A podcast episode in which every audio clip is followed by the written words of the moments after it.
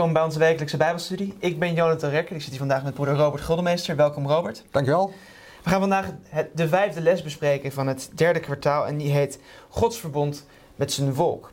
En eigenlijk gaan we in deze les niet één, maar twee verbonden, verbondsluitingen eh, bespreken.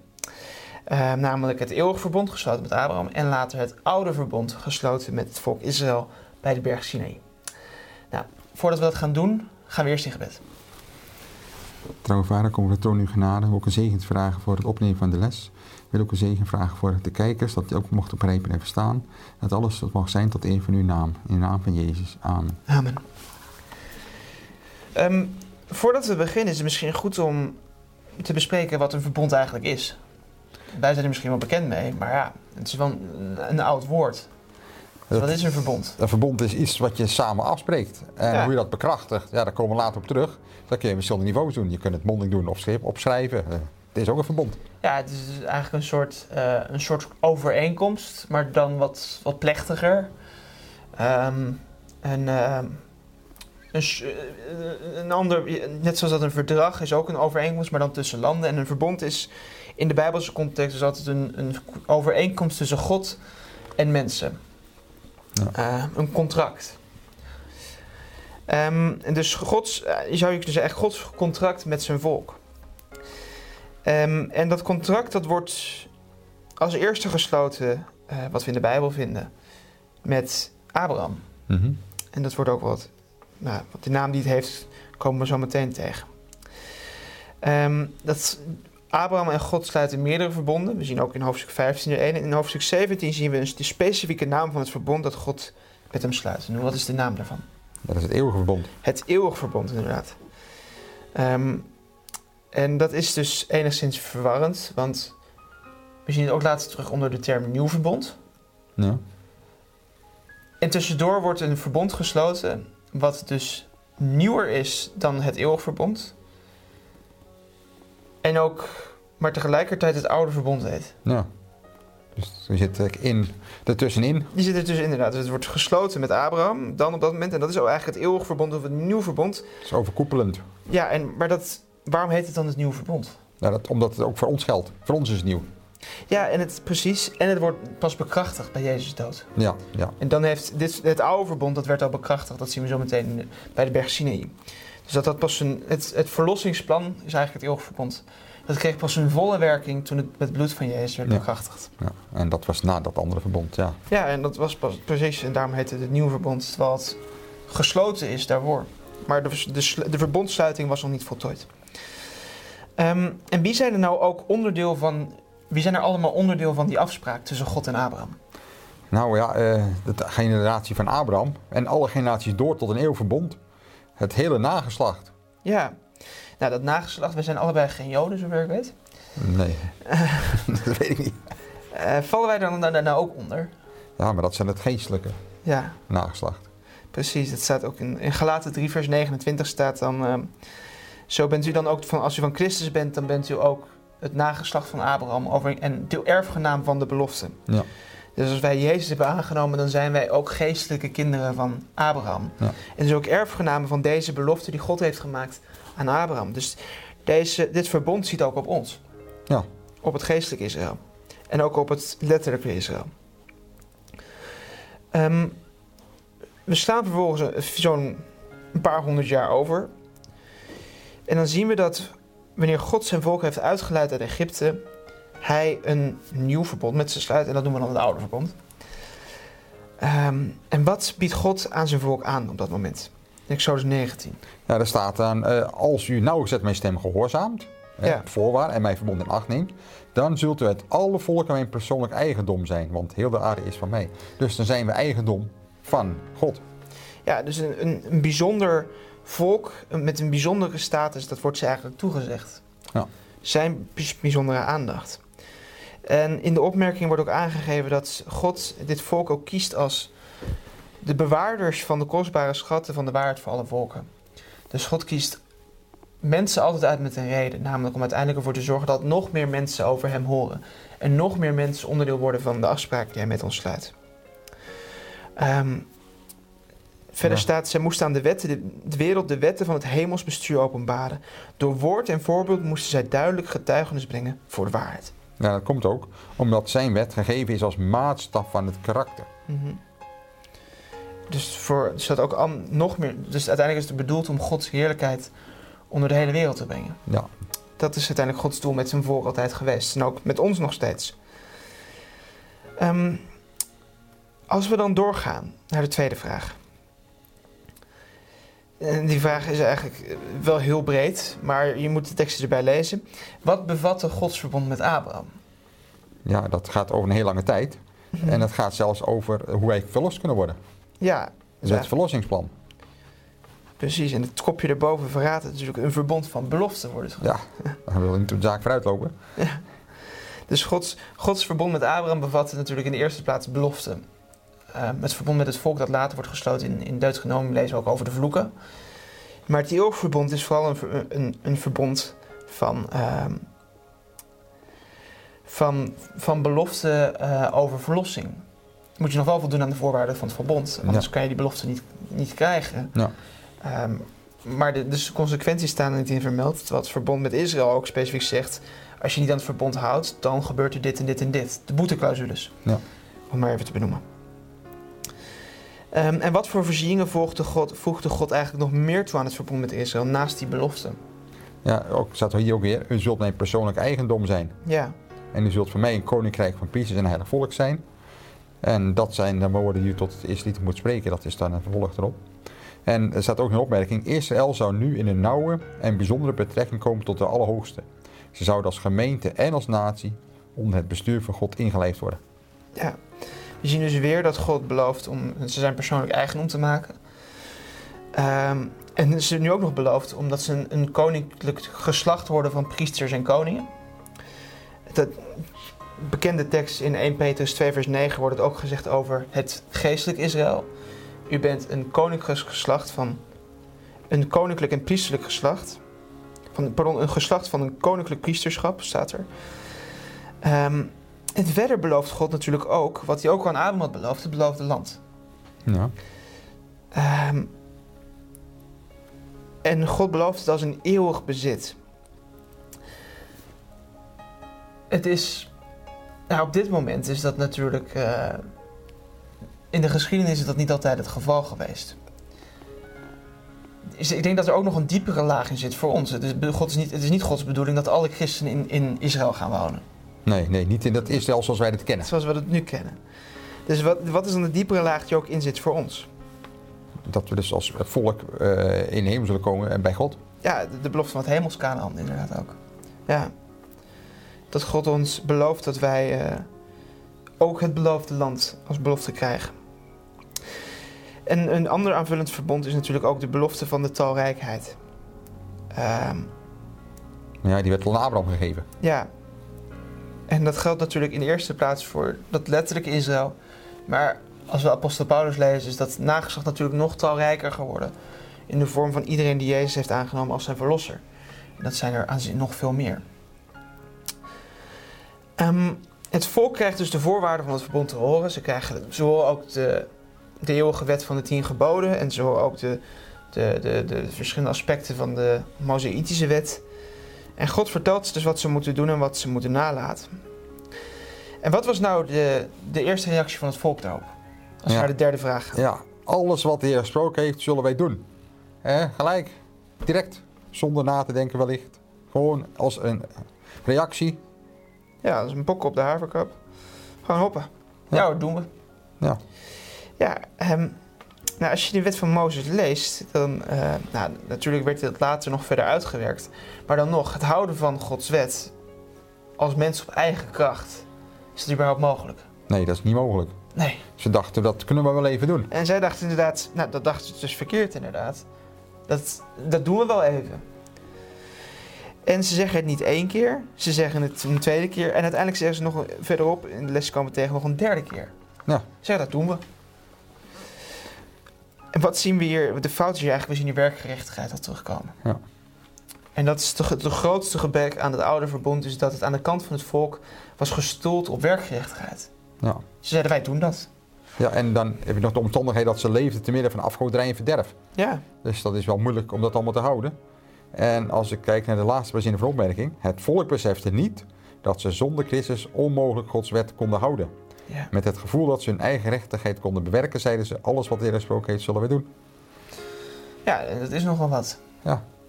Het laat, dus, het laat ook vanaf het begin af aan zien we dus dat het oude verbond al een, een gemankeerd verbond is. En het volk denkt dan ook verkeerd in de loop der tijd, ook begint steeds meer te denken dat ze door het houden van het verbond hun zaligheid kunnen winnen, Ja. kunnen verdienen. Maar als we in Galaten 3, weer Galaten 3 vers 24 lezen, lezen wij dat de functie van die verschillende wetten van Mozes, en ook overigens voor de morele wet geldt dat, maar ook de wetten van Mozes die waren alleen bedoeld om te wijzen naar Jezus toe. De wet als een leermeester tot Christus Ja. eh, heen. Dus het oude verbond, dat verwees naar het eeuwig verbond, naar het verlossingsplan. Dat het ook aanschouwelijk werd gemaakt, dat ze het beter konden begrijpen. Ja, precies.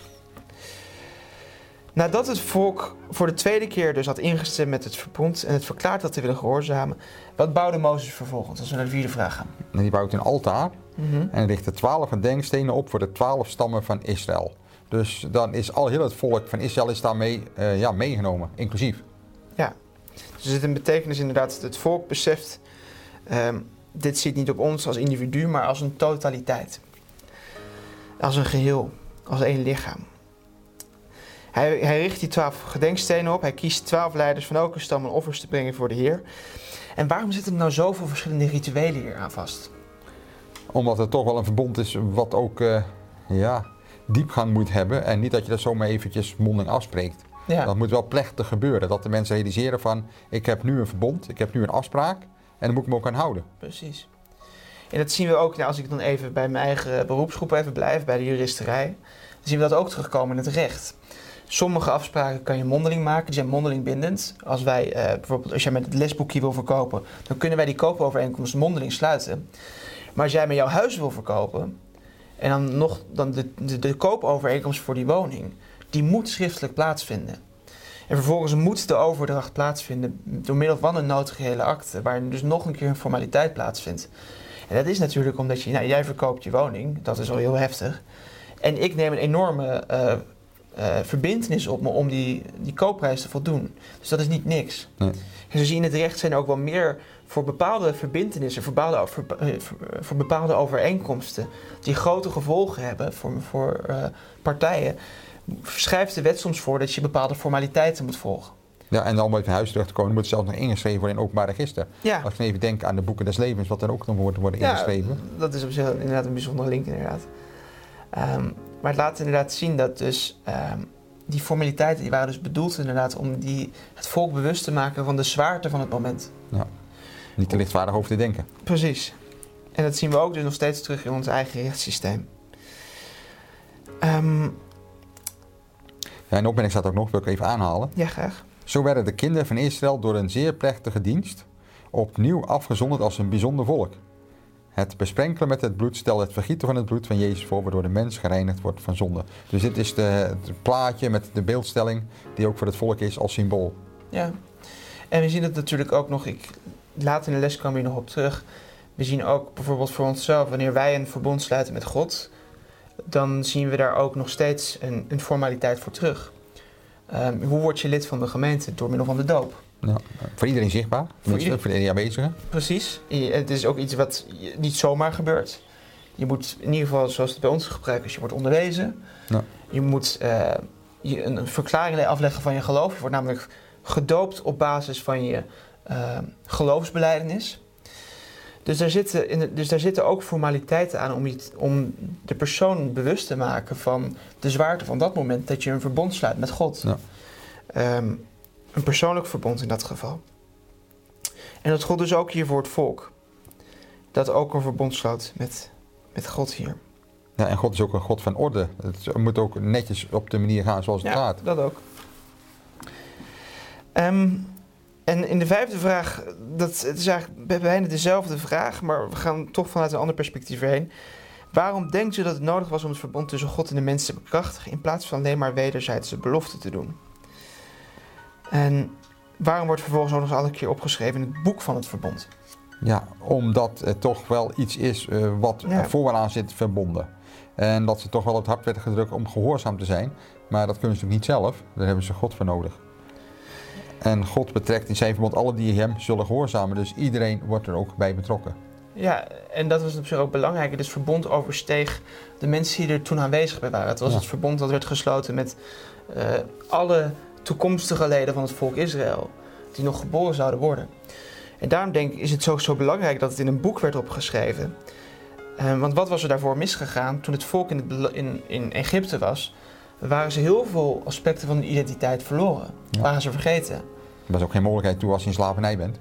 Nee, ja, ze, hadden, ze hadden inderdaad andere dingen aan hun hoofd. En het lastige is dus, ze waren dus ook de betekenis van het offerstelsel vergeten. Ze waren heel veel verschillende aspecten vergeten. En zelfs het houden van de Sabbat was verwaarloosd. En om zo'n enorme, ja, zoiets te voorkomen in de toekomst, werd dus alles opgeschreven in het boek van het verbond. En dat is natuurlijk ook logisch, want als ik gebonden ben aan de afspraken die mijn vader met iemand anders maakt, wil ik wel weten, op, even op papa zwart op wit weten, wat er nou precies die afspraken waren. Ja. Niet dat ze anders uitgelegd gaan worden door degene die het er beter uitkomt. Ja, want als je dus een doorgeefspelletje speelt met, eh, wat met een boodschap vertelt, dan de boodschap die aan de een vertelt en naar de tweede, naar de derde, en de vierde en de vijfde, is altijd anders dan die oorspronkelijk is gegeven. Ja, dat kan wit zwart worden en zwart wit. Precies. Dus daarom ook het belang dat het volk dat verbond op zwart op wit had. En we zien dat ook in, het, in de geschiedenis van het volk Israël dat belang. Zien we ook terugkomen in het verhaal van Josia. Die, nou niet het boek van het verbond, maar het boek van de wet, waarschijnlijk het boek Deuteronomium, eh, terugvond in de tempel. Althans, Hilkia vond hij terug. Eh, en toen besefte wat het verbond, eh, dat het volk al die tijd het verbond had geschonden. Ehm, dus daarom ook het belang van geschreven tekst voor het volk om dat terug te vinden en te bewaren voor alle generaties. Ehm, het verbond was gesloten, er waren offers gebracht en daarna gebeurt een bijzonder ritueel. Mozes die neemt het bloed van die offers en die sprenkelt vervolgens het op het volk en op het, bloed, op het boek van het verbond. En waarom was dat nou nodig? Om het nog een keer te benadrukken. Ja, het klinkt simpel, maar het is wel zo. Mhm. Ja, dus om ze nog een keer bewust te maken van eh, de ernst van het moment. Maar het past natuurlijk ook ehm, bij de cultuur in die tijd dat dit was de hoogste manier van een verbondsluiting. Dit was de, het ultieme moment. En het betekende eigenlijk dat als je het verbond zou verbreken, het wordt- het heet dus ook een bloedverbond. Als je het verbond schendt, dan deel je het lot van die offerdier. Dus je, je belooft het met je leven als onderpand. Ehm, ja, en God die heeft eeuwig leven, dus die belooft vaak op zijn naam. Ehm, en het volk werd dus duidelijk gemaakt dat, als, dat het ook een kwestie was van leven en dood. En Mozes zegt ook later, ik houd u het leven voor en de dood voor. Kies leven of kies dood. Eh, en daarom wordt het als in het boek van het verbond dat daar een getuige van is, wordt daarom ook nog een keer besprenkeld met dat bloed.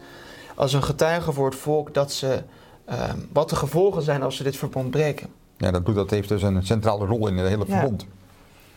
En we zien dat ook terugkomen, dat bloedverbond zien we ook in eh, het- een van de verbonden die God sloot met Abraham in Genesis 15. Waarin Abraham verschillende dieren in stukken moet snijden. En God zijn verbond met Abraham nog een keer vernieuwt. Dus het is iets wat, we, wat in die cultuur in die tijd paste. En tegenwoordig zou dat, eh, zou dat niet echt meer passen hier, maar dan beloof je iets heel plechtig. Maar in die tijd was het de hoogste, plech, meest plechtige belofte die je kon maken. En tegelijkertijd verwees het natuurlijk ook naar het bloed van Jezus, dat later werd vergoten Ja. voor ons. Dat is natuurlijk het belangrijkste. Ja. Dus in de opmerking stond, ik, niet de opmerking bij deze vraag, maar ehm, volgens mij heb je dat stukje al gelezen. Het besprenkelen met het bloed stelde het vergieten van het bloed van Jezus voor, waardoor de mens gereinigd wordt van de zonde. Dus ook in dat opzicht wees dat verbond alvast vooruit naar het eeuwig verbond. Ja. Ehm, waardoor wij ook kinderen, door het bloed van Jezus worden wij weer kinderen van, door middel van adoptie, kinderen van God. Eh, en nog steeds, en Jezus heeft het eeuwig verbond vervolgens ook bevestigd met zijn eigen bloed aan het kruis. Daarna ehm, vindt iets opmerkelijk plaats. Als we naar de laatste vraag gaan. Tot nu toe was Mozes de enige die eh, de berg op was gegaan. En ook zo hoog was gekomen. Maar wat, wie roept God eigenlijk nog meer naar zich toe? Ja, eigenlijk eh, de belangrijkste mensen van het volk. Dat was Mozes naar Aaron, Mhm. Nadab en Abihu, dat zijn de zonen van eh, eh, de hoge priester. En ook nog zeven, en de oud, 70 oudsten van Israël. Dus er is een hele vertegenwoordiging van het volk. En dat betekent dus dat het hele volk eh, weer betrokken is met deze heilige bijeenkomst. Ja. En het bijzondere is dat ze dus... Ze mogen omhoog op de berg komen. En wat zien ze dan? Ja, eh, alleen de heerlijkheid. Eh, als ze God zouden zien, Ja? dan zouden ze niet overleven. Dus eh, het is niet alles wat zichtbaar was. ja? Toch zien ze dus toch met hun eigen ogen een deel van God. Ja, zijn heerlijkheid, ja. ja. De, de eeuwige, de onzienlijke wordt God ook wel genoemd in de Bijbel. Ehm, en ze hebben toch dat voorrecht om God te mogen zien als zondige en misschien wel on- onwaardige wezens. Ehm, in de opmerking wordt ook duidelijk gemaakt dat ze inderdaad dus alleen de, onuitsprekelijke heerlijkheid van God zagen. Maar ook dat al die verschillende ervaringen die ze met God hadden gemaakt tot nu toe. De wonderen die ze zagen in Egypte, de, de doortocht door de Rode Zee ook hun geloof had eh, bevestigd. En ook de wonderen die ze zagen bij de, bij de berg Sinaï. Ze, hadden, ze waren met vrees vervuld en dat betekent dus ontzag en respect. En daardoor konden ze God ook rechtmatig zien. Wie God niet vreest, kan God niet zo zien, denk ik. Ehm, had dit nou... Je zegt terecht inderdaad, Aaron was erbij, Nadab en Abihu... en ook de 70 ouderlingen waren erbij van het volk. Er zijn mensen die zeggen, als ik eh, God heb gezien, dan, eh, dan geloof ik en dan komt het helemaal goed. Hè? Eerst Ja. zien, dan geloven. God dit nou ook hier? Kunnen we die hier uit, uit deze les nou de garantie trekken inderdaad van als je God hebt gezien, nou dan ben je al bekeerd en dan zit het goed? Nou ja, als we de geschiedenis volgen, en de persoon welke hebben we hem gezien? Mozes, nou die was niet onfeilbaar. Aaron, die eh, deed mee met het eh, aanbidden van een nieuw kalf wat gemaakt werd. Hij maakte zelfs het gouden kalf, ja. Eh Nadab en Abu, weten we, die hebben ook eh onrein vuur gebracht en hebben het ook daardoor met de dood moeten bekopen. En die 70 oudsten, ja, die zullen ook niet zonder zonde zijn geweest. Nee, Dus eh, het is niet zo van, ook hebben het gezien, dan komt het helemaal goed. precies. En waarschijnlijk, die 70 oudsten, die waren waarschijnlijk ook, zoals we weten, waren alleen Caleb en, eh en Jozua waren de enigen die Van de het land mochten ingaan van de verspieders. Maar ook van de rest van het volk. Ja, De dus ook die 70 ouderlingen, die waren onderdeel van het volk dat 40 jaar lang in de woestijn moest blijven doortrekken. En de les is voor ons denk ik ook dat soms hebben we een enorme religieuze ervaring met onszelf. Maken we een, een, ontmoeten we God op een, door een bepaalde gebeurtenis. We maken iets mee. Maar als we dat niet gebruiken om ons geloof te versterken, als we dan ons geloof niet blijven voeden, dan gaat dat uiteindelijk toch weer teniet. Ja. En dan dus een, een ervaring met God vandaag is geen garantie voor een veiligheid, voor de veiligheid van onze zaligheid morgen. ja het menselijk geheugen, dat is eh, Precies. niet het, eh, de, de maatstaf. Precies. We zien die eh, betekenis van het bloed in het verbond zien we ook terug in het Nieuwe Testament. Specifiek bij, bij welke instelling zien we dat terug? Ja, dat zien we terug bij het heilige avondmaal, Ja. wat ook werd gehouden bij Jezus, net voordat hij eh, gekruisigd zou worden. Ja, het zijn de bekende woorden. eh, drink, dit is mijn bloed van het nieuwe verbond. Ja. Dat voor velen wordt vergroot, voor, voor velen vergroot wordt tot vergeving der zonde. Dan zien we weer die symboliek van de sluiting van Jezus geeft hier weer dat bloed aan als symbool nu voor zijn daadwerkelijke bloed dat nog vergoten moet worden. En dat wij nog steeds gebruiken in onze, eh, onze herdenking eigenlijk van het lijden van Jezus en het offer van Jezus. En de vernieuwing van het verbond dat wij hebben gesloten bij de doop door middel van het heilige avondmaal. Ja. Daarin herdenken we het lijden van Jezus voor ons, maar denken we ook aan wat Jezus voor ons heeft gedaan en aanvaarden we zijn offer nog een keer. Ehm, nadat die ouderlingen de berg op waren gegaan, ontvingen ze, in, een stuk later hoor, in nummer hoofdstuk 11 pas, ontvingen ze Gods geest op zich. Net zoals Mozes. Ja. Nou, welke ervaring maakten de volgelingen van Jezus iets sneller na, de, na dat heilige avondmaal? Ja, dat was de uitstorting van de Heilige Geest bij Ja. Pinksteren. Precies. Dus op diezelfde manier ehm, ontvingen ze ook zij de geest om als leiders, om als ouderlingen, eh, apostelen van dit nieuwe verbond, ehm, hun werk goed te kunnen doen. En dat was dan, zoals hier ook staat, om Mozes te helpen bij de taak bij het leiden van de schade van Israël naar het beloofde land. Daarvoor ontvingen zij de geest inderdaad. Ja, en dat kun je dus inderdaad overdrachtelijk zien met uh, de uitzending van de Heilige Geest en de, de, christenen die ons moeten leiden naar het eeuwige van het land. Ja, dus die, op, dus op diezelfde manier zien we ook weer die parallel dat na de uitstorting, na de bevestiging van het verbond, dat God zijn geest uitstort over, de, over zijn volk. Um, zodat ze de taak die ze hebben gekregen goed kunnen vervullen.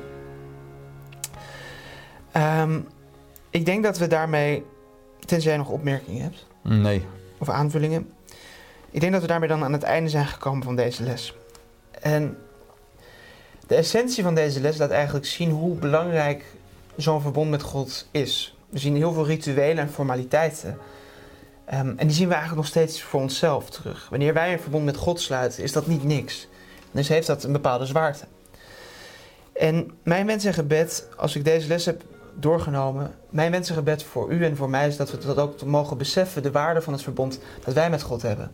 Ons persoonlijk verbond met God, um, maar ook de waarde mogen beseffen van het verlossingsplan in het eeuwig verbond. Wat, hoeveel, hoe zwaarwegend het is dat Jezus met zijn eigen bloed dat verbond heeft bevestigd. Dat hij bereid is geweest om voor onze zonde te sterven. Ik wens u Gods rijke zegen toe en ik hoop u graag weer de volgende keer te zien.